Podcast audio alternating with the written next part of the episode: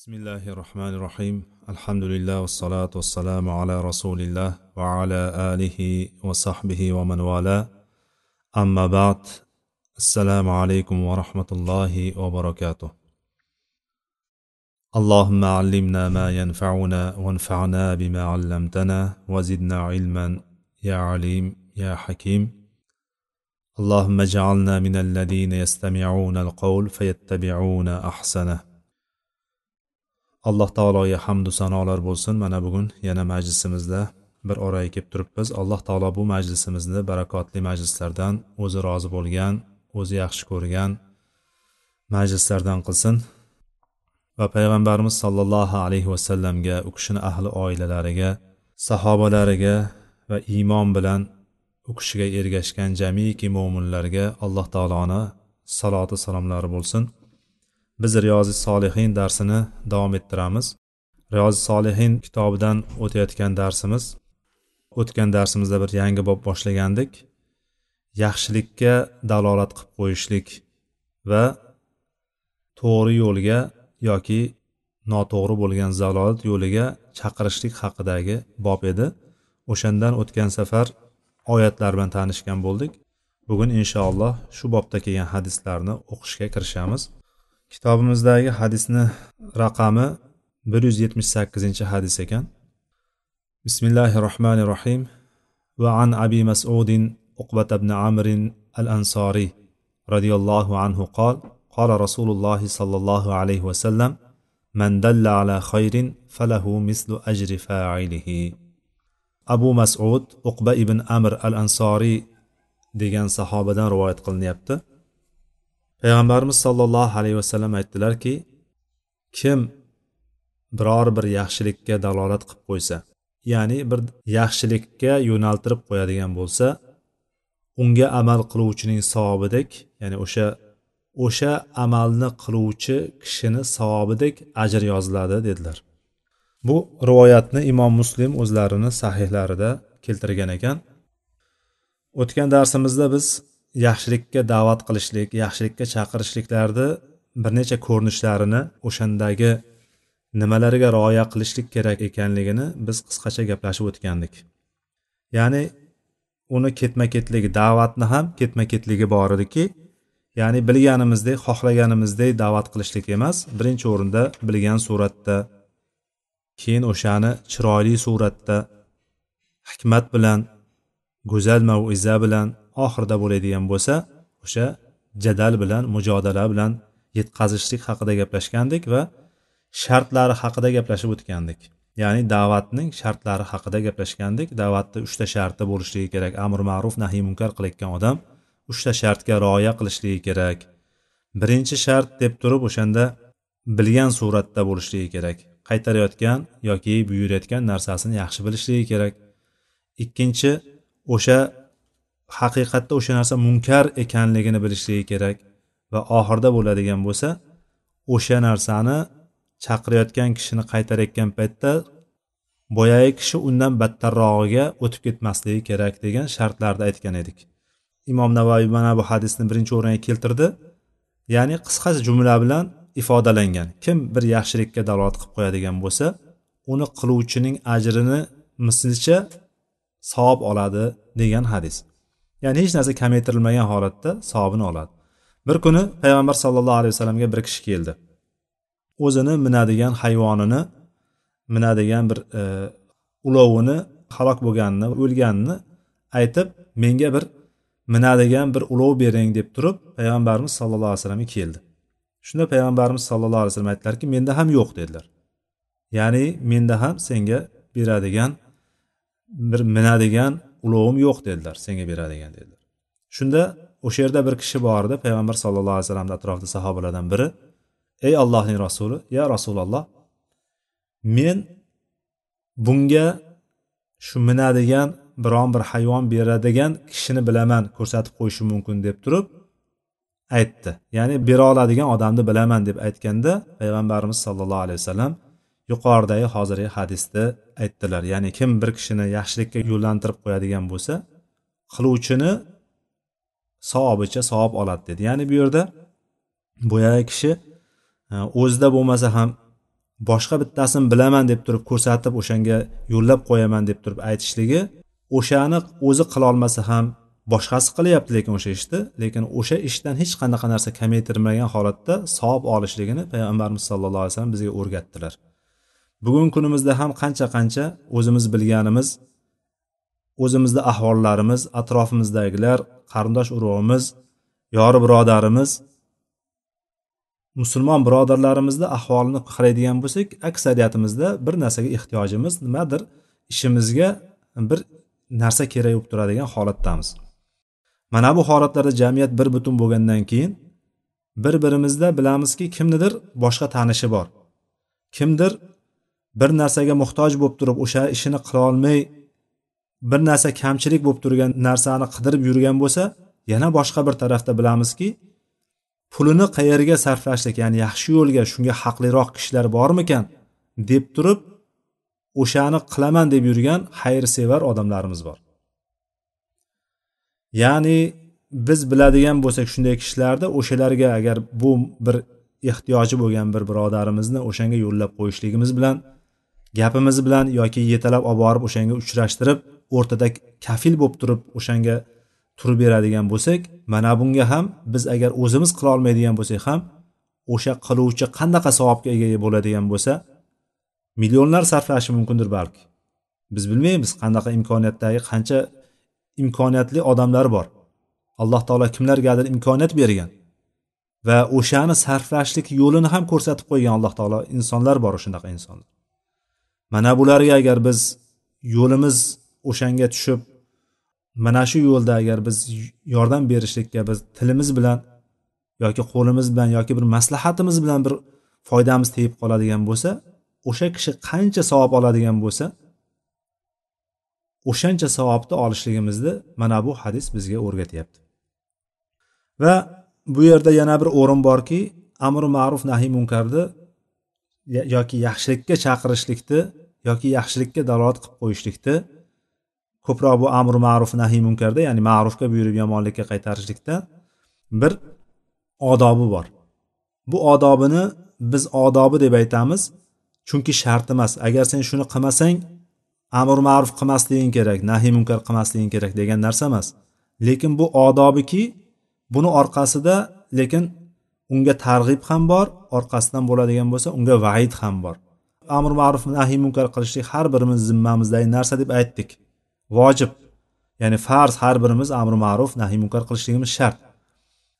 Lekin yana bitta bir odoblaridan kishi o'sha narsani o'zi birinchi qilishligi kerak. O'sha narsani birinchi o'zi qilib turib keyin boshqalarga yetkazadigan bo'lsa o'sha aytayotgan gapi ta'sirliroq va odamlarni qalbiga yetib boradigan bo'ladi. Qulog'ini buyog'idan kirib u yoqdan chiqib ketadigan bo'lmaydi. Chunki o'sha amalni agar o'sha aytayotgan chaqirayotgan yoki qaytarayotgan narsani inson o'zi birinchi qilib hayotida tadbiq qilgandan keyin odamlarga o'sha narsani gapiradigan bo'lsa boshqacharoq ta'sir qiladi. Tabib ham doktor ham kasalni dardini tushuna olmaydi qachonki o'sha kasalni dardini o'zi ham chekib ko'rgan bo'lsa o'zi ham o'sha dard bilan og'rib ko'rgan bo'lsa ana o'shanda yaxshiroq tushunadi boyagini shunga o'xshab ya'ni boshidan kechirib o'sha narsani yo'lga qo'yib o'zi amalga oshirgandan keyin qilishligi da'vat qilishligi yanada nur ustiga nur bo'ladi va buni orqasidan o'zi qilmasdan turib chaqirib va davom qilmaslikda davom etadigan bo'lsa bunga vaidlar bor. Bunga qattiq alloh taolo tarafidan vaidlar kelgan. Oyatda hadislarda vaidlar kelgan. Chunki inson agar o'zi qilolmasligi boshqa bir tur narsa.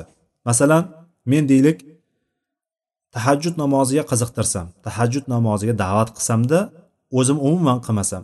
Ya'ni qilmasam deganim bu yerda men qilolmasam ya'ni men uyqum zo'r kuchli odamman kechqurun turolmayman. Lekin o'shani turishlikni qalbimda doim yashayman. O'sha bilan tursam qaniydi deb turib turishga harakat qilib unga ogohlantirib meni turg'izgin bunga ogohlantirib turaylik deb turib yo bo'lmasam budilniklarni qo'yib shunda ham turolmasdan yuradigan odam bo'lsam unda men aytayotgan gapim bu vaidlaricha kirmaydi. Lekin ikkinchi toifa odam borki masalan deylik men tahajjudga da'vat qilaman chaqiraman. Tahajjudni fazilati haqida gapiraman uni qanaqa foydalari haqida gapiraman savoblari haqida gapiraman hamma tomonni gapiramanda lekin men umrim davomida ya'ni shu da'vat qilish davomida va undan keyin ham tahajjudni o'qishlik haqida xayolimga ham keltirmayman. Turolmasligim yoki boyagi aytayotgandek boshqa boshqa sabablar u yoqda tursin men turishga ham harakat qilmayman o'zim faqat tilda aytib qo'yaman. Mana bu kishilarga alloh taoloni vaidi bor. Alloh taolo aytadiki ya amanu lima taquluna ma la tafalun? Kabura maqtan indallohi an taqulu ma la tafalun deydi.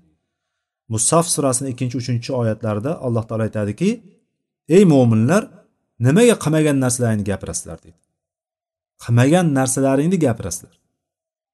Mana shu o'ringa tushadi. Ya'ni inson o'zi qilmasdan turib boshqalarga chaqirishligi yoki jo'shib ketadi insonlar. Ba'zi insonlar nima qilib yuribmiz? Unaqa qilib yuribmiz? Bunaqa bo'lyapti undaqa bo'lyapti deb turib juda katta katta katta davolarni qiladiyu lekin o'zi alohida bo'lgan paytda o'sha davolarni zarrasini ham qilmaydigan insonlar bo'ladi.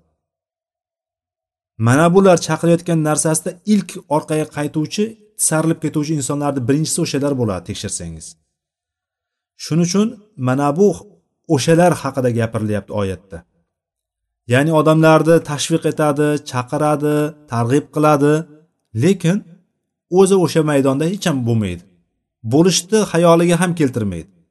Mana bu kishilar haqida alloh taolo aytdiki nimaga ey mo'minlar nimaga o'zlaring qilmagan narsani gapirasizlar? Bilsalaring qilmagan narsalaring gapirishliklaring allohni huzurida katta bir gunohdir. Katta bir ish bu. Kabura maqta deb aytyapti. Ya'ni bu katta gunoh bu. Qilmagan ishni aytishlik alloh huzurida katta narsa bu. Hadisda keladiki sahih hadisda keladi. Qiyomat kuni bir kishi keltiriladi. Do'zaxga uloqtiriladi. Keltirib do'zaxga uloqtiriladi. Uloqtirilganda ichak chavog'i odarilib yerga tushadi. Ichak chavog'i yerga tushib o'sha yerda o'sha ichak chavog'i yerga yopishgan va atrofida xuddi eshak tegirmon toshini aylantirgan eshak qanday o'sha tegirmon toshini atrofida aylanadigan bo'lsa inson o'sha ichak chavog'ini atrofida mana shunaqa aylanib turgan holatda azobni ko'rib turadi do'zaxda.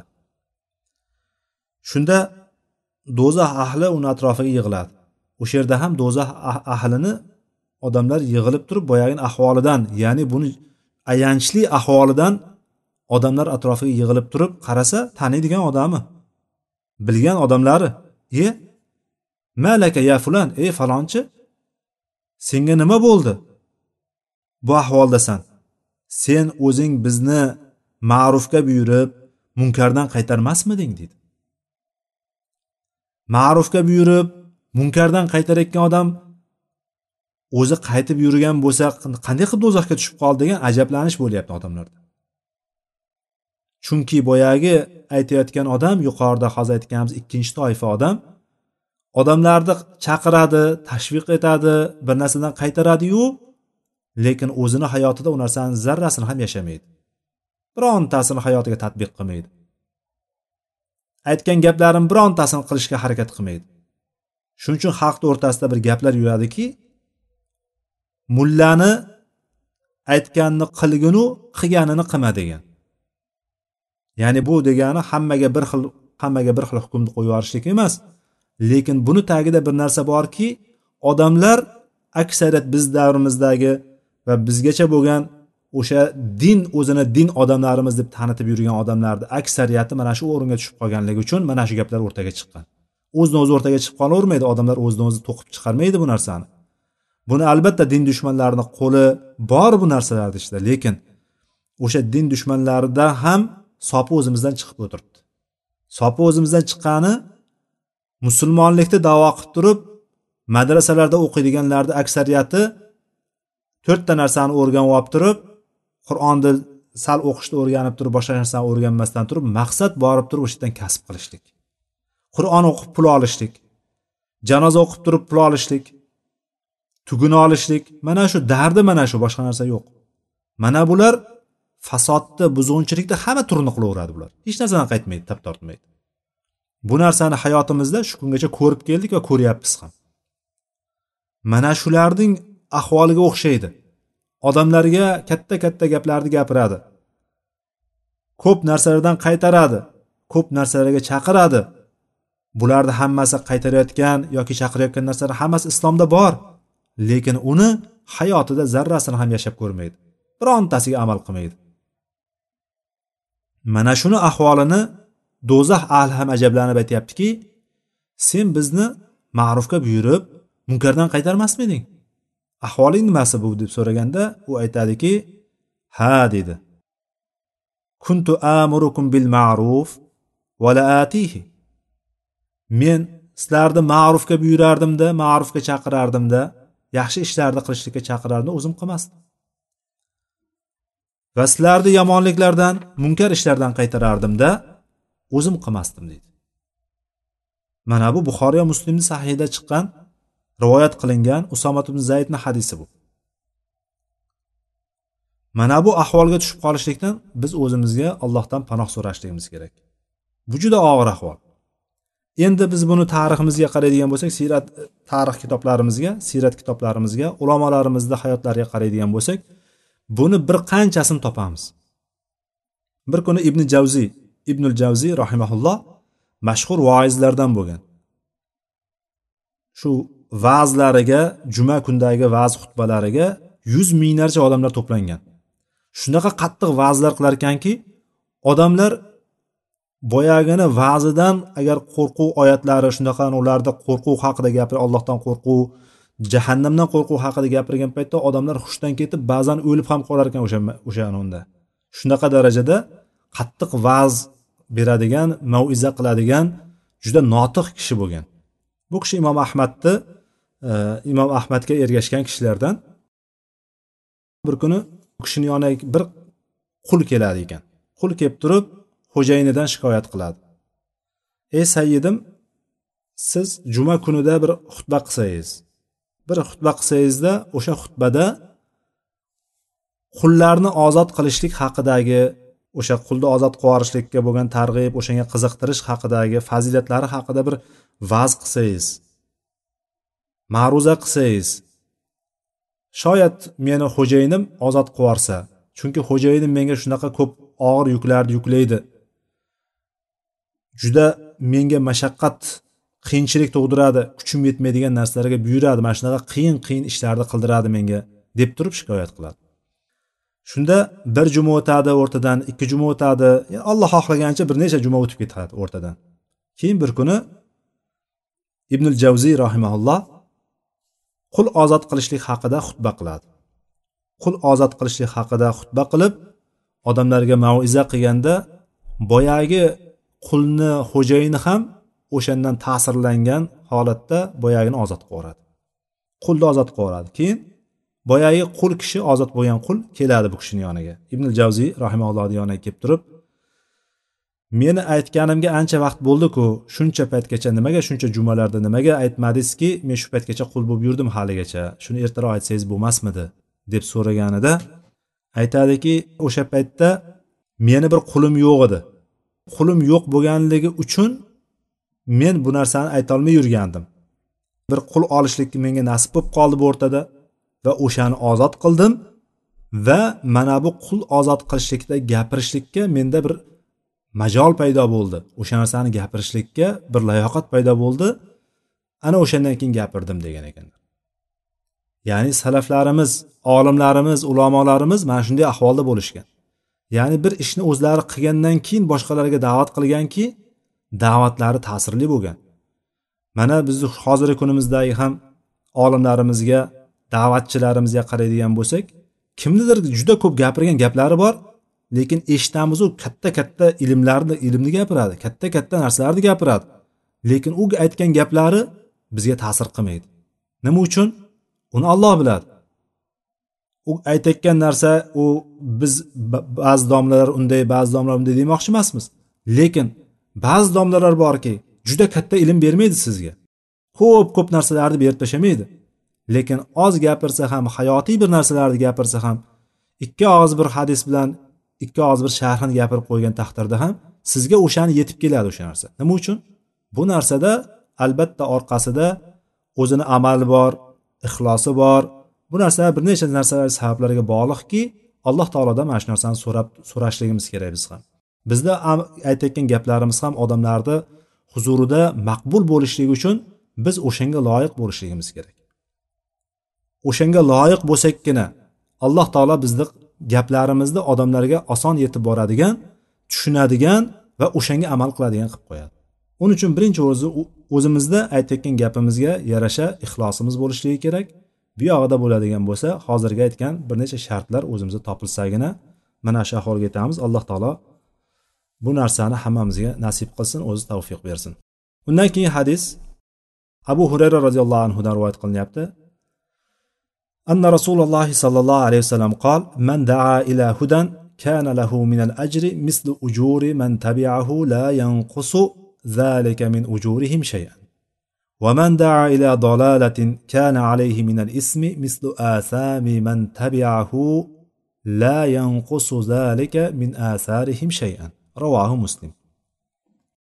abu hurayra roziyallohu anhu aytyaptilarki payg'ambar sallallohu alayhi vasallam shunday deydilar kim bir hidoyatga ya'ni bir yaxshi yo'lga chaqiradigan bo'lsa unga ergashgan o'sha hidoyatga ergashgan yaxshilikka ergashganlarning ajr savoblari mislicha ajr unga bo'ladi chaqirgan kishiga. Ha bunda la yanqusu zalika min ujurihim shay'an o'sha amalni qiluvchilarni ajr savoblaridan biror bir narsa kamaytirilmaydi. Bunga ham shuncha ajr berilaveradi. Bunga ham berilaveradi. Lekin ularda hech narsa kamaytirilmaydi. Narigi qilgan odamlarni savobidan hech narsa kamaytirilmaydi. Vaman daa ila dolalatin endi bo'lsa kim bir zalolatga noto'g'ri yo'lga chaqiradigan bo'lsa unga o'sha zalolatga ergashganlarni zalolat ishlarini qilganlarni gunohlari mislicha gunoh boyagi chaqirgan kishiga bo'ladi. Bunda ham o'sha amalni zalolat ishlarni qilgan kishilarni gunohlaridan hech narsa kamaytirilmaydi. Mana bu hadisni imom muslim o'zlarini sahihlarida keltirgan ekan. Bu hadis ham yuqoridagi hadisimizga bog'liq bo'lgan hadis. Hozir aytganimiz yuqoridagi hadis kim yaxshilikka bir yo'llab qo'yadigan bo'ladigan bo'lsa kimnidir o'shani ajriday ajr oladi degan hadisga bevosita go'yoki boshqa shaklda kelgan faqat bunda ikkinchi qismi ham borki zalolat qismi ham bor. Misollarni xohlagancha keltirishimiz mumkin. Shu kungacha ham bir qancha misollarni ko'rdik eshitdik. Masalan bir kishi e, shorih ibn usaymin rahimalloh ikkita uchta misollar keltirib ketyapti. Aytyaptiki masalan zuho namozi haqida. Siz zuho namozini chaqirdingiz odamlarga zuho namozini fazilati haqida gapirdingiz uni rakatlari haqida gapirdingiz va odamlar o'sha amalni qilib boshladi. Siz yetkazgan jamoatda qancha odam bo'ladigan bo'lsa o'shandan qaysilari qanchasi agar o'sha zuho namozini tark qilmasdan o'qib boshlagan bo'lsa ular zuho namozini o'qiganiga yarasha allohdan ajri savobini olaveradi. Bir kunda uch yuz oltmishta tasbeh tahmid aytgan sadaqa berganni savobini olib ketaveradi har kunga o'qigan namoziga yarasha. Va o'shalar shuncha savobni oladigan bo'lsa birinchi kim ularga shuni o'rgatdi? O'sha o'rgatgan kishiga ham o'sha savob hech qanaqa kamaymasdan berib turilaveradi. O'sha savob bularga ham bo'laveradi lekin bu qilgan kishilarni savobidan hech narsa kamaymay turaveradi mana bu shunday davom etib ketaveradi. Ya'ni bundan ko'ramizki biz xayrni islomni iymonni kimdan o'rgangan bo'lsak biz qanaqa amallarni qilib boradigan bo'lsak o'shalarga kam emasdan oqizmay tomizmay ularga ham savob yetib turaveradi. Ya'ni bu degani payg'ambar sollallohu alayhi vasallamga savoblarni ya'ni islomdagi musulmonlarda qiyomat kunigacha keladigan musulmonlarni savoblari payg'ambarimiz sallallohu alayhi vasallamga borib turadi. Sahobalarni fazilatlarini ko'ryapmizmi? Endi ya'ni bizdan oldingi o'tgan salaflarimizni xossatan sahobalar tobeinlar taba tobeinlar olimlarimizni biz ajrlari qancha katta bo'lishligini tasavvur qilaveraylik endi. Mana shuning uchun demak biz yaxshilikka chaqiruvchi inson bo'lishimiz kerak. Har doim kimgadir nimani o'rgatuvchi kishi bo'lishimiz kerak. Uning uchun albatta o'zimiz bilishimiz kerak va o'shanga harakat qilishligimiz kerak bilishlikka amal qilishlikka harakat qilishligimiz kerak. Ana undan keyin bizga shart bo'lgan uchinchi narsa da'vat. O'sha narsaga chaqirishligimiz kerakki biz faqat o'zimiz bilganimiznigina qilib yurishlik emas. Qancha qancha odamlar borki o'zi siz qilolmaysiz lekin siz chaqirgan narsani sizdan ko'ra o'rinliroq loyiqroq o'rinda qiladi. Maromiga yetkazib qiladigan odamlar bor. Qancha qancha odamlar borki chaqiruvchidan ko'ra yaxshiroq ta'sirlanadi. Undan ko'ra ko'proq amalga kirishib ketib qolishi mumkin. Lekin siz chaqirganligingiz uchun siz chaqirganingizga amal qilganini savobidan olib turaverasiz. Ya'ni shuning uchun biz hech narsani qo'ldan boy bermasligimiz kerak. Har bir narsadan unumli foydalanib qolishligimiz kerak. Alal xusus mana shu bobda. Yoki vitr namoziga da'vat qildi deydi. Masalan vitr namozini o'rgatdi. Vitr namozini uxlashdan oldin o'qib yotishlikka payg'ambarimizdan kelgan hadislar bilan o'rgatdi. Yo bo'lmasam kechasi turishlikka ko'zi yetgan aniq turaman degan holatdagi kishi bo'ladigan bo'lsa deyapti. Ana unda u kechani oxirgi qismiga qo'yib vitrni oxirgi qismida o'qisa bo'ladi deydigan bo'lsa kim mana shu ishni undan o'rganib o'shanga amal qiladigan bo'lsa o'shani savoblaridan doimiy olib turaveradi. Qolgan hamma amalni shunga qo'yib boraverasiz. Ilm o'rgatdi yaxshilik yo'lini o'rgatdi odobni o'rgatdi xulqni o'rgatdi nima biz ma'ruf deb bilganimiz nima yaxshilik deb bilganimiz bo'ladigan bo'lsa o'shandan bizga savob yetib turaveradi ekan. Savobimiz kelib turaveradi. Shuning uchun qiyomat kunida ertaga biz o'lganimizdan keyin bizni orqamizdan yetib turadigan narsadan bittasi foydali ilm qoldirib ketishlik degan bo'ladi. Foydali ilm biz bir ilmni berib ketdik o'rgatib ketdik o'sha ilm davomli suratda davom etib turibdi. O'rgatilib o'rganib o'rgatilib amal qilinib turgan bo'lsa o'shani savobi bizga borib turaveradi. Mana shunga demak biz harakat qilishimiz kerak. Buni muqobilida zalolatga chaqiradigan bo'lsa zalolat deganimiz bilganimiz gunoh ishlar. Kimdir o'g'irlikka o'rgatadi kimnidir kimdir chekishga o'rgatadi kimdir ichishga o'rgatadi kimdir zinoga o'rgatadi kimdir botil narsaga o'rgatadi kimdir musiqaga muzikaga konsertlarga borishga kimdir o'rgatib qo'yadi. Mana shunga o'xshagan hamma narsani sanashimiz mumkin.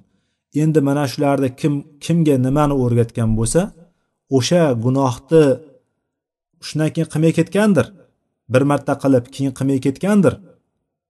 Lekin uni qilib turgan odam tinimsiz qilib turgan bo'lsa o'shani o'rgatganligi uchun o'shanga ko'rsatganligi uchun uni gunohi kamaymasdan bunga yetib borib turaveradi o'rgatgan odamga. Mana shuning uchun bu narsadan ehtiyot bo'lishimiz kerak ekanki buni oqibati biz bilmagan holatda oyog'imizdan tortib ketib qolar ekan. Oyog'imizdan tortib ketib qoladi bu qayerdan kelib qoldi deganini bilmay qolamiz. Yemagan somsamga pul to'ladim deb o'ylaymizu lekin bir paytlar yeb qo'ygan bo'lamiz bu narsani.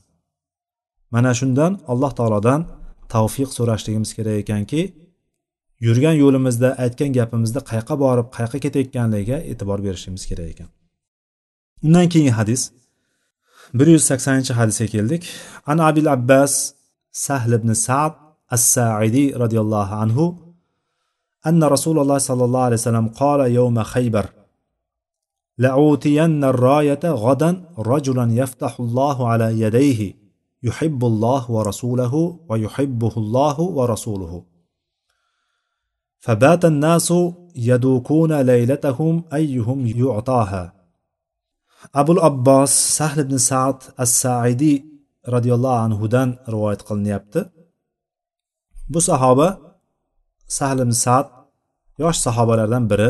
Payg'ambarimiz sollallohu alayhi vasallam vafot etgan paytlarida o'n besh yosh atrofidagi yigitcha bo'ladi. o'n besh yosh atrofidagi yigit.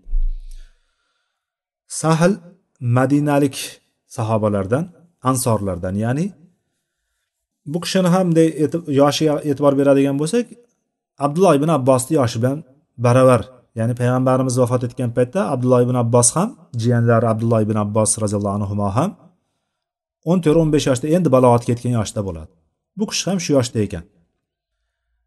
Bu kishi sahl roziyallohu anhu uzoq umr ko'rgan sahobalardan biri. Ikki xil rivoyatlar bor. Hijriy sakson sakkiz yoki hijriy to'qson birda vafot etganligi haqida ma'lumotlar bor rivoyatlar bor.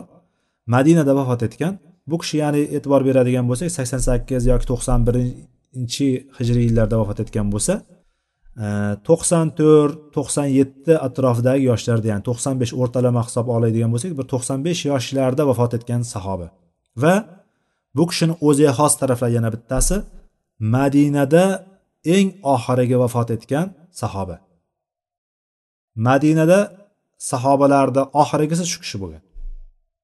Vafot etganlar. Bilamiz sahobalarni to'xtashi oxirgi sahoba bir yuzi hijriy bir yuz o'ninchi yilda vafot etgan. Hijriy bir yuz o'ninchi yildan keyin hijriy bir yuz o'n birinchi yilda bittasi men sahobaman desa sahobalik qabul qilinmagan. Bunga hadislardan dalolatlar bor. Payg'ambarimiz sallallohu alayhi vasallam bir kecha farz namozini kutib o'tirgan paytda aytilgan gap kechqurungi xufton namozida yuz yildan keyin hech kim qolmasligi haqida payg'ambarimiz sallallohu alayhi vasallam xabar berganlar yer yuzida kim bor bo'ladigan bo'lsa yuz yildan keyin hech kimni qolmasligi haqida xabar berilgan va shu hisobdan payg'ambarimiz sollallohu alayhi vasallam mana bu hadisda aytgan hijriy o'ninchi yil bo'ladigan bo'lsa o'sha yilda tug'ilgan chaqaloq ham o'sha yilda tug'ilgan chaqaloq ham ya'ni o'sha kunda tug'ilgan chaqaloq ham borib shu bir yuz o'ninchi yilda vafot etishligini payg'ambarimiz sallallohu alayhi vasallam xabar berganlar. Ya'ni sahobalik bo'lishlik uchun tug'ilgan chaqaloq bo'lishlik emas tamiz yoshda bo'lishligi ya'ni yetti yosh atrofidagi bola bo'lishligi va payg'ambarimizni ko'rib iymon etgan bo'lishligi musulmon bo'lishligi kerak. Payg'ambarimiz davrida musulmon bo'lib turib musulmon o'lgan musulmon bo'lib o'lgan kishini sahoba deymiz. Ya'ni e, demoqchi bo'lganimiz bir yuz o'ngacha.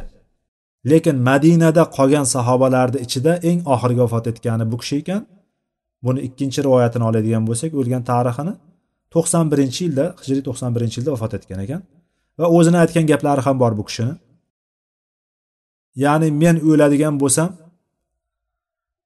o'ylayman gumon qilamanki alloh va rasuli shunday dedi deydigan biron bir kimsa qolmasa kerak deb aytib o'ylayman degan. Ya'ni madina madina haqida gapiryapti. Agar men o'ladigan bo'lsam alloh va rasuli shunday dedi deb turib rivoyat qiluvchi kishi qolmasa kerak deb o'ylayman deganlar. Bu kishini asl ismi sahal roziyallohu anhuni asl ismi hazin bo'lgan.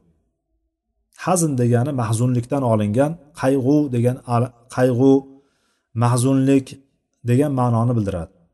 Payg'ambarimiz sallallohu alayhi vasallamga yoqmagan bu ism yoqmaganligidan bilamiz payg'ambarimiz sallallohu alayhi vasallam bir necha sahobalar ismlarini o'zgartirgan. Shu jumladan buni ham sen qayg'u emas g'am emas sen sahlsan yengil degan ma'noda yengil tabiat degan insonda bir yengil muomalali yengil tabiatli inson degan ma'noda sen sahlsan deb aytganlar bu kishini kunyasini mana imom navoiy abul abbos deb ketdi. Boshqa bir rivoyatlarda abu yahyo degani ham kunyasi bilan tanilganligi ham aytilinadi. Payg'ambarimiz sollallohu alayhi vasallamdan bu kishi yuzta hadis yuzta atrofida hadis rivoyat qilgan. Imom buxoriy va muslim o'zlarini kitobida yigirma sakkiztasini rivoyat qilgan ekan. Alloh taolo bu kishidan rozi bo'lsin. Endi hadisni matniga kirishamiz. Bu kishi sahl ibn saad as saidiy roziyallohu anhu aytyaptilarki payg'ambarimiz sallallohu alayhi vasallam haybar kunida men ertaga bir kishiga bayroqni beraman dedilar. Lom va nuni ta'kidlar bilan gapiryapti. Ertaga albatta bayroqni bitta kishiga beraman deb turib ta'kidlab aytdilar. Alloh taolo uning qo'llari bilan haybarni fath qiladi. U kishini sifatlari shundayki demak birinchisi olloh uning qo'llari bilan fath qiladi. U ollohni va rasulini yaxshi ko'radi. Alloh va rasuli ham uni yaxshi ko'radi. Mana shu uchta sifat aytildi. O'sha bayroq beriladigan kishi haqida uchta sifat aytildi.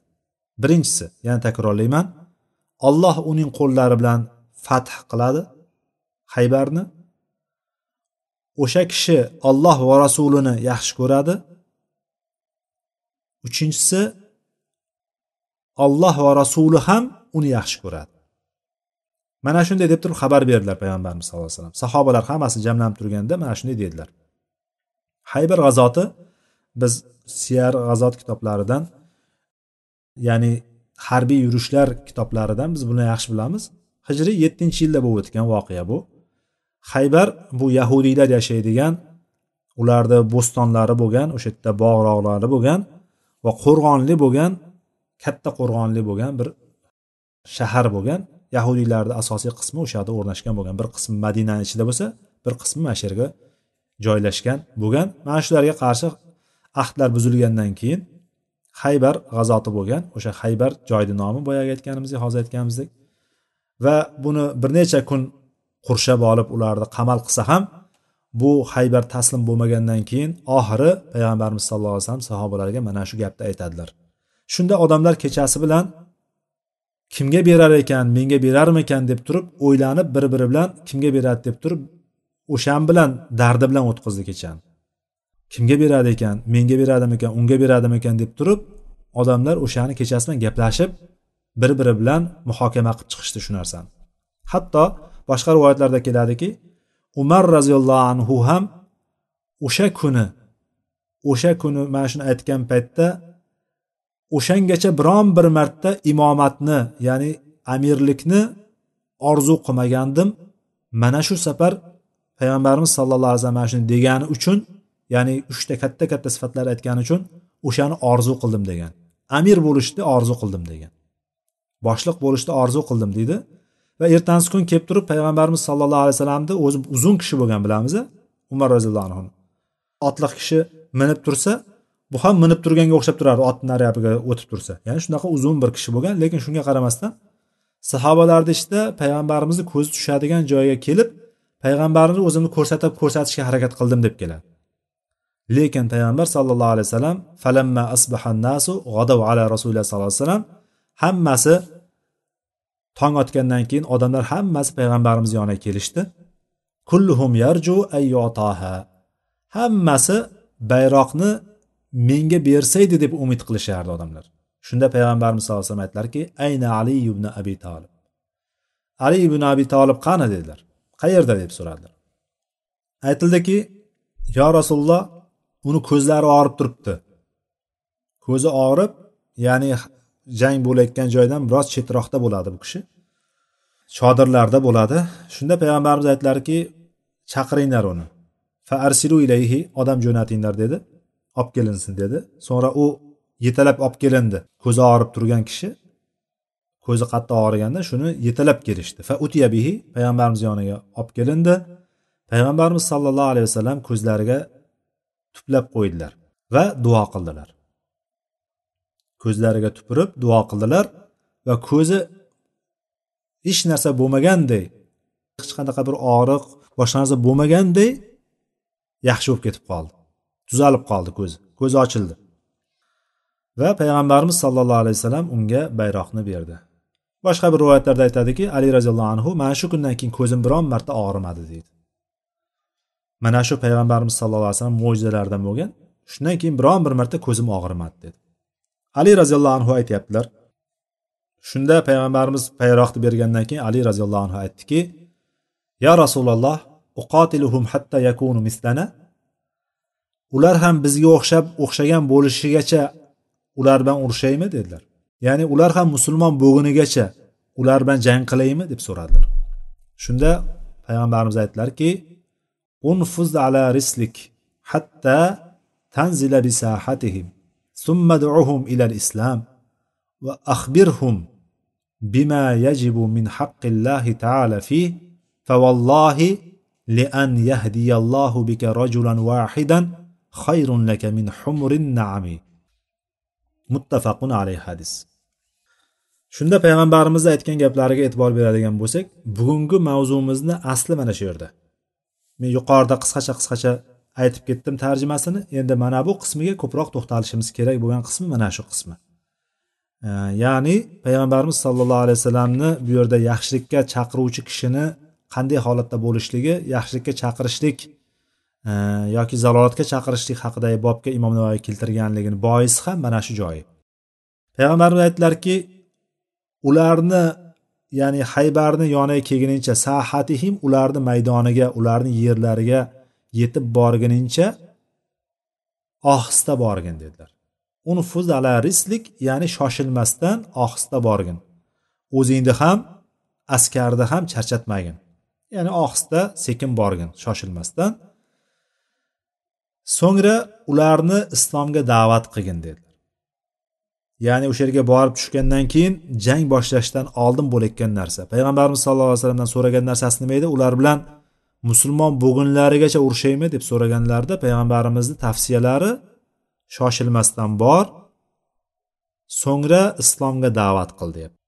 Ya'ni jangdan oldin islomga chaqirish bo'lyapti. Bu muhim nuqtasi. Islomga chaqirgin va axbirhum bima yajibu min haqqillahi taala fihi va ularni ustida alloh taoloni haqqini nimalar vojib ekanligini ularga xabarini bergin.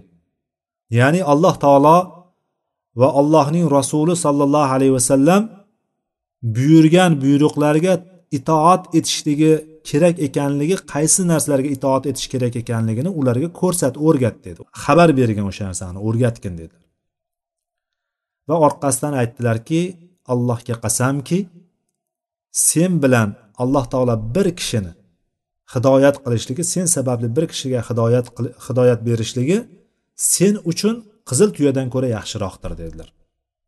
Qizil tuyani qo'lga kiritishingdan ko'ra yaxshiroqdir dedilar. Bu muttafaqun alayhi hadis. Ya'ni asosan oladigan joyimiz bu hadisni mana shu qismi. Ya'ni bir kishini hidoyati alloh taolo sizni sababingizdan bir kishiga islomni nasib qiladigan bo'lsa. Qanday katta ajrga ega bo'lishligingiz ya'ni bir kishini butunlay jannatga kirishligiga sabab bo'ladigan narsani siz da'vat qilib turib o'shani savobini olyapsiz. Bu yerda payg'ambarimizni e, bir moddiy narsaga qiyoslab ko'rsatib o'rgatishlari bu ko'p o'rinlarda keladi. Qiyoslashlik maqsadida.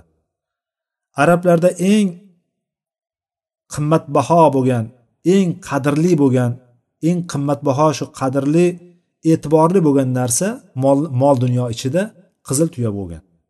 Arablar qizil tuyani qadrini yaxshi bilishgan. Hozirgi kunda ham qizil tuyani qadri arablarda yetarlicha bor.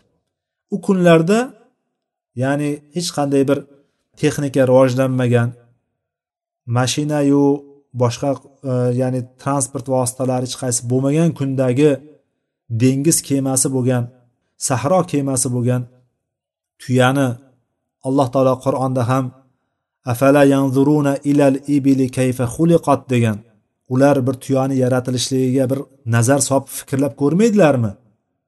degan tuya haqida gap ketyapti. Bu yerda o'sha tuyalarni ichida ham eng yaxshi zotdor bo'lganligi va ko'p ishga yaraydigani va arablarni nazarida eng oliy nav bo'lgani bu qizil tuya bo'lgan. O'shanga qiyoslab turib bitta kishini iymoni kelishligi bo'ladigan bo'lsa bir kishini iymoniga kelishiga sabab bo'ladigan bo'lsang o'sha qizil tuyadan ko'ra senga yaxshiroqdir. O'shandan yaxshiroq. Ya'ni odamlar nazdida eng qadrli narsa nima bo'lsa o'shandan ko'ra yaxshiroqdir deyapti. Ya'ni bu narsa juda katta ne'mat bu. Birinchi chaqirgan narsasi qaranglar har qanday jihod maydonida. Jihod maydonini har qanday kim bilan jihod qilinadigan bo'lsa ham birinchi islomni yetkazishlik kerak bo'lyapti. Bular kimlar edi bor ekan joydagi kishilar? Ahli kitob edi. Yahudiylar edi. Bir paytlar payg'ambar shu taraflardan chiqadi ekan ko'p xurmozor bo'lgan joylar deb turib hamma o'zlarini kitoblarida kelgan narsalarni o'rganib chiqib turib demak bu madina atrofiga kelar ekan deb turib qaror berishib turib o'sha yoqqa ko'chib kelishgan. Va bir qism madinaga ikkinchi qismi madinadan biroz tashqarida bo'lgan. Yuz chaqirim shimoli g'arbiy tarafida bo'lgan madinani yuz chaqirim shimoli g'arbiy tarafida bo'lgan haybar yerlariga joylashgan bular. Va kutishgan bizdan payg'ambar chiqadi deb turib biz o'sha yerga kelaylikda bizdan payg'ambar chiqadi va butun olamni biz qo'lga olamiz deb turib shunaqa niyatlar bilan kelishgan bular. So'ngra payg'ambarimiz sollallohu alayhi vasallam chiqqan paytda ma arafu kafarubi ular bilgan narsa o'rtaga chiqqan paytda payg'ambarimiz sallallohu alayhi vasallam madinaga hijrat qilib payg'ambarlik kelgandan keyin kelgan paytlarida ular kafarubi unga kofir bo'lishdi. Bilib bilib kofir bo'lishdi. allazina ataynahumul kitaba ya'rifunahu kama ya'rifuna abna'ahum oyatda alloh taolo aytadiki ular payg'ambarni xuddi o'zini o'g'il farzandlarini qanday tanisa xuddi shunday taniydi. Siz mingta bola tursin. Mingta bola. Bir xil yoshdagi mingta bola. Yetti yosh o'n yosh. O'g'lingiz necha yoshda? Hammamiz o'g'limizga qaraylik. Yigirma yosh besh yosh ikki yosh bir yosh. Qaraylikda mingta bolani ichidan siz shunday bir qaragan payt hammasi bir saf bo'lib turadigan bo'lsa shunday qaraganda o'g'lingizni topa olasizmi topa olmaysizmi? Taniysizmi tanimaysizmi taniymiz a o'g'limizni mingta emas o'n mingta odam bolani ichidan ham tanlab tovib chiqaramiz o'sha narsani. Ona yoki ota demasa ham o'zimiz tovib chiqa olamiz taniymiz ya'ni. Ahli kitoblar bo'p ham yahudiylar bu narsani payg'ambarimizni mana shunday tanishgan. Odamlarni ichida butun millionlagan odamlarni ichida payg'ambarimiz bir ko'rganda tanishgan payg'ambar ekanligini shu darajada bilishgan. Lekin bular bizdan chiqmadi deb turib ular hasad qilib turib bug'zi adovat qilib bilgan narsalar o'rtaga chiqqan paytda kofir bo'lishdi. Bilgan holatda kofir bo'lishdi. Mana shu yahudlarga demoqchi bo'lgani mana shu yahudlar islomni nima ekanligini bilgan yahudlarga payg'ambar sollallohu alayhi vasallam aytyaptilarki ularni islomga chaqirgin deyapti. Ya'ni qolganlarni gapirmasa ham bo'laveradigan holat kelyapti faqihlar o'rtasida bir necha fikrlar bor. Ibn usaymin rahimaulloh aytyaptiki bunda to'g'ri bo'lgani mana shu om hammaga umumiy. Kimga jihod qilmoqchi bo'linadigan bo'lsa o'shalarni birinchi islomga chaqiriladi. Islomga chaqirishni o'zi kifoya qiladimi? Yo'q kifoya qilmaydi. Chunki payg'ambar sallallohu alayhi vasallam islomga chaqir islomda qabul qildi qilmadi keyin jang qilasan demadilar davomini aytyaptilar. Va axbirhum bima yajibu min haqqillahi taala fi ularni zimmasida bo'lgan allohning haqlarini ularga xabar bergin. Ya'ni olloh va rasulining amriga itoat qilishligini bo'ysunishligini taslim bo'lishligini islomga butunlay taslim bo'lishligini ularga yetkazgin o'rgatgin dedilar. Chunki islomga xohlaganda kirib xohlaganda chiqadigan din emas islom dini. Buni yaxshi bilaylik. Agar biz islomga kir musulmon bo'l musulmonlik unday bunday deb turib ta'rif umumiy faqat targ'ib qilib turib islomga kirishga harakat qildirib bir kofir kishini yoki bir majus kishini yoki bir fosiq kishini ashhadu an la ilaha illalloh va ashhadu anna muhammadan rasululloh ollohdan boshqa iloh yo'q va muhammad uning elchisidir guvohlik beraman deb turib islomga kirgandan keyin bo'ldi musulmon bo'ldim desa undan keyin senga namoz o'qishlik farz ro'za tutishlik farz deb tursangiz yoki boy kishi bo'ladi badavlat kishi bo'ladigan bo'lsa zakot berishing farz deydigan bo'lsangiz men islomni bunaqa deb bilmovdim. Menga yoqmayapti bu chunki molimni men o'zim topgan bo'lsam qanday beraman deydigan bo'lsa yo'q menga isloming kerak emas deb islomdan chiqib ketadigan bo'lsa endi murtad bo'ladi u. Murtad bo'ladigan bo'lsa oldingi kufrdan ko'ra qattiqroq bir kufrga ketayotgan bo'ladi. Shuning uchun islom bunga had qo'ydiki murtad kishiga islomdan chiqmaysan deyiladi. Chiqishga haqqing yo'q deyiladi. Kirguncha ixtiyoring bor edi. La ikroha fiddin dinda majburlashlik yo'q edi. Islomga kirguningcha senga biz seni majburlab kirgizmadik qo'log'ingga kishan solib turib seni majburlab pichoq tirab turib kirgizmadik islomga. Peshanangga pistolet tirab kirgizmadik islomga. Endi islomni kirdingmi chiqish endi seni haqqing emas. Chiqadigan bo'lsang islomga qaytishliging tavsiya qilinadi qaytmaydigan bo'lsang seni o'ldiriladi deyiladi. Murtadni hukmi nima? O'ldirishlik. O'ldiriladi u. Islom shariati yurib turgan bo'lsa murtad albatta o'ldiriladi. Murtad shunday qo'yib qo'yilmaydi chunki dindan islom dinini tark qilgan odam oldingi kufrdan ko'ra qattiqroq kufrga ketishligi aniq. Mana shuning uchun demak faqatgina da'vat qilib qo'yishlik o'zi yetolmay islomga kir deb turib islomni ko'rsatib qo'yishlik yetmaydi. Uni orqasidan alloh taoloni haqqi bor ekanligini va islomdagi narsalar unga yetkazilishligi kerakki u uni ongli ravishda bilgan holatda kirishligi kerak islomga. Ong bilan kiradigan bo'lsa ana ong bilan kirgandan keyin u o'sha yerda to'xtaydi. U islomdan chiqadigan bo'lsa hukmi nima ekanligini biladi. Islomga kirgandan keyin islomni mana shunday anavlari bor ekan haq huquqlari bor ekan. Alloh taolo menga mana shularni zimmamga yuklabdi. Mana shu narsani men qilaman degan boshqa dinlarda yo'q va boshqa bir bironta bir tuzumlarda biron bir yo'q bo'lgan bir haq dinga keldim adolat diniga keldim deb turib ongli ravishda iymon kelib keltirishga kirishligi kerak. Shuning uchun demak ikkita narsa e, asos qilinadi. Jihod qilinayotgan paytda birinchisi islomga da'vat qilishlik ikkinchisi allohni haq bildirish kerak. Ya'ni kirgan paytda shunchaki kirib qo'yishlik emas allohni amriga butunlay bo'ysunaman degan holatda taslim bo'lgan holatda ongli ravishda kirishligi kerak. Mana shu narsa yetkaziladi. Bularda nima bo'ldi? Bu voqeada nima bo'ldi? Haybar kunida mana bu voqeada ular qabul qilishmadi. Chunki ular bo'g'zi adovatlari hasadlari shunaqa katta ediki va bu katta mana shu bo'g'zi adovatlari hasadlari yahudlarni qiyomatgacha qoladiki ulardan birontasi do'st bo'lmaydi ulardan birontasiga ahd qilinmaydi ulardan birontasi omonat qo'yilmaydi. Ular bilan har doim ehtiyot bo'lib turib muomala qilishlik kerak bo'ladi. Demak hozirgi kunda yahud sistemasiga yurgan kim bo'lishidan qat'iy nazar? Qaysi davlat bo'lishidan qat'iy nazar? Qaysi birliklar bo'lishligidan qaysi bir ittifoqlar bo'lishidan qat'iy nazar? Ularda demak o'shalar bilan ehtiyot bo'lib muomala qilishlik kerakki ular hech qachon biron bir marta ahdlariga vafo qilishmagan qilishmaydi ham. Qachon fursat bilgan sohati orqangizdan pichoq tiqadi qo'yadi. Mana shu ularni dardi butun dardi hayoli mana shu. Xullas bular qabul qilishmadi va ali roziyallohu anhu fath qildi. Ali roziyallohu anhu o'shalarni hammasini demak qal'ani qanday yiqitganligi o'sha nimalar bo'lganligini bu narsalarni mag'oziy kitoblarimizda g'azot kitoblarimizdan bilamiz bu narsani kerak bo'lsa o'shanga murojaat qilishimiz mumkin. Va bu yerda e'tiborli bo'lgan joyi bir kishini hidoyatiga sabab bo'lib qolishlikda qanday katta ajr mukofot berilishligi haqidagi joyi bu bobni bizga yanada tushuntirib beradigan joyi. Shuning uchun biz harakat qilib qolishligimiz kerak. Har qanday holatda bir kishini yaxshilikka yo'llab qolishlikka o'zimiz qilolmayotgan bo'lsak ham yo'q men qilmayapmanku deb boyagi aytayotganimiz vaidlarni eslab turib men o'zim qilmagan narsani qilmayin emas o'zimiz qilishga harakat qilib turib qilolmayotgan narsalarimizni hammasini yetkazishimiz kerak.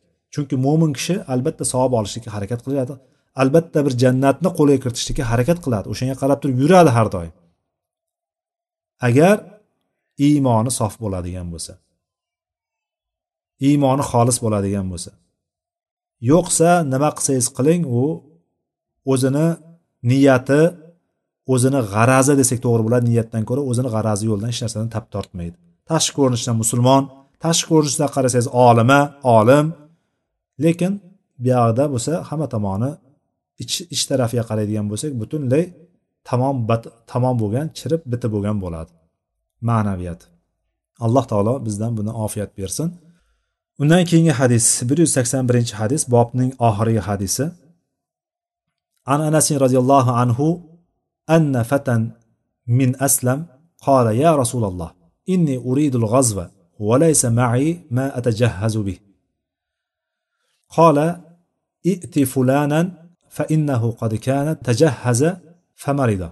فأتاه فقال إن رسول الله صلى الله عليه وسلم يقرئك السلام ويقول أعطني الذي تجهزت به فقال يا فلانة أعطيه الذي تجهزت به ولا تحبسي منه شيئا فوالله لا تحبسين منه شيئا فيبارك لك فيه anas ibn molik roziyallohu anhudan rivoyat qilinyapti aslam qabilasidan bo'lgan bir yigit keldi payg'ambar sallallohu alayhi vasallamni yoniga va yo rasululloh men g'azot qilmoqchiman g'azot qilishlikni xohlaymanu lekin g'azotga kerakli bo'lgan narsalarga meni tadorigim yo'q.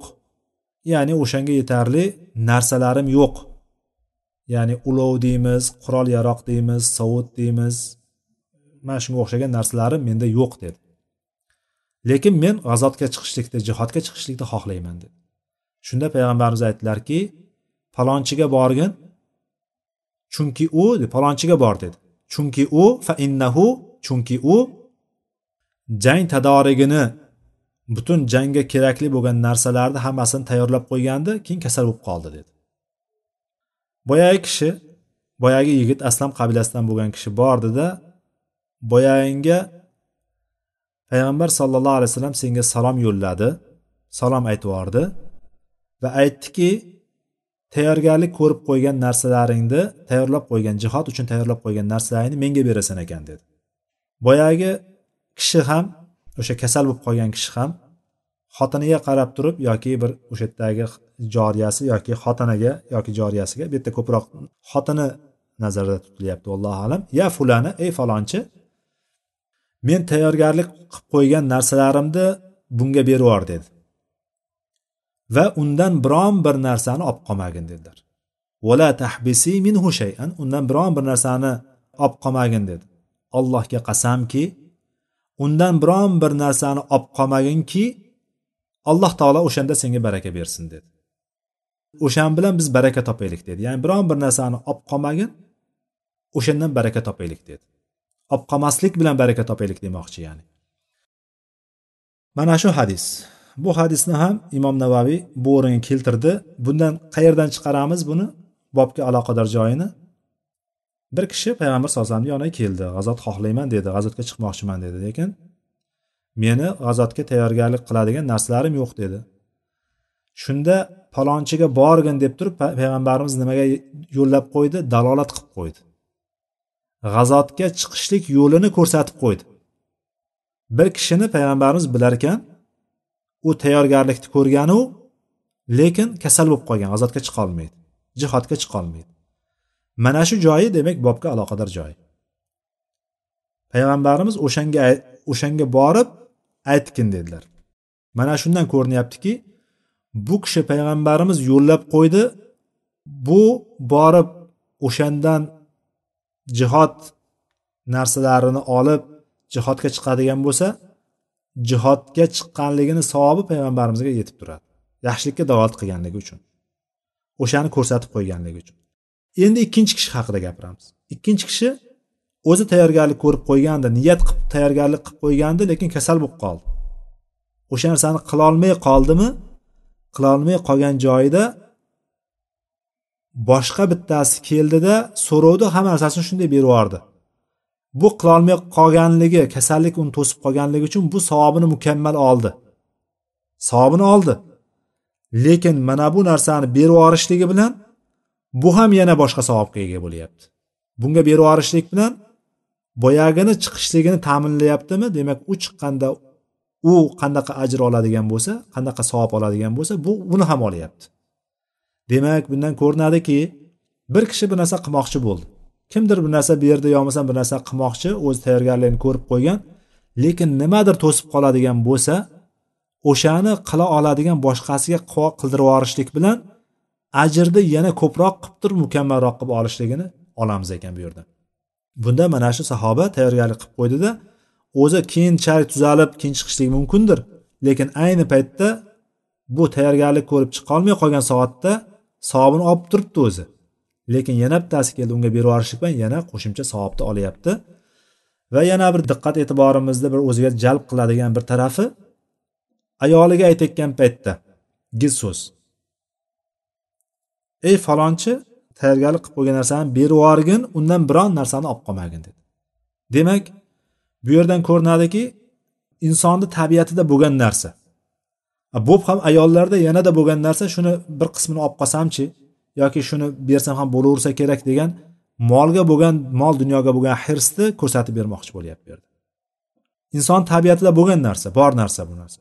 Masalan siz bir narsaga atab deylik ming dollar chiqarib qo'ydingiz. Ming dollarni olloh uchun sarflayman falon narsaga deb turib chiqarib qo'ydingiz. Ha? Deylik tasavvur qilaylik. Ming dollar chiqarib qo'ydingiz. Boyagi ish nimadir bo'lib turib bo'lmay qoldi.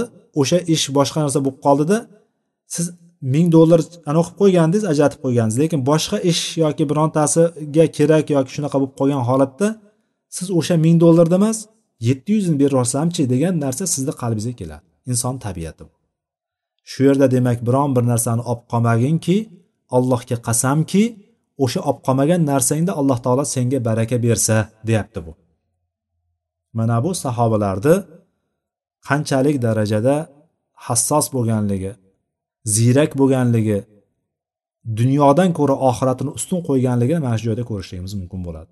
Demak bir narsani qilgan paytimizda bir narsaga ajratganimizdan keyin keyin bir sharoit o'zgarib qoladigan bo'lsa o'shani boshida qilgan niyatimizni ortig'i bilan qilsak nur ustiga nur nurun ala nur. Lekin o'shandan kamaytirib qolishlikka bir qalbimizga kelib qoladigan bo'lsa mana shu hadisni eslaylikki o'sha olib qolmagan qismimizda alloh taolo bizga baraka bersa ajab emas. Bu rivoyatni imom muslim o'zlarini sahihlarida keltirgan ekan.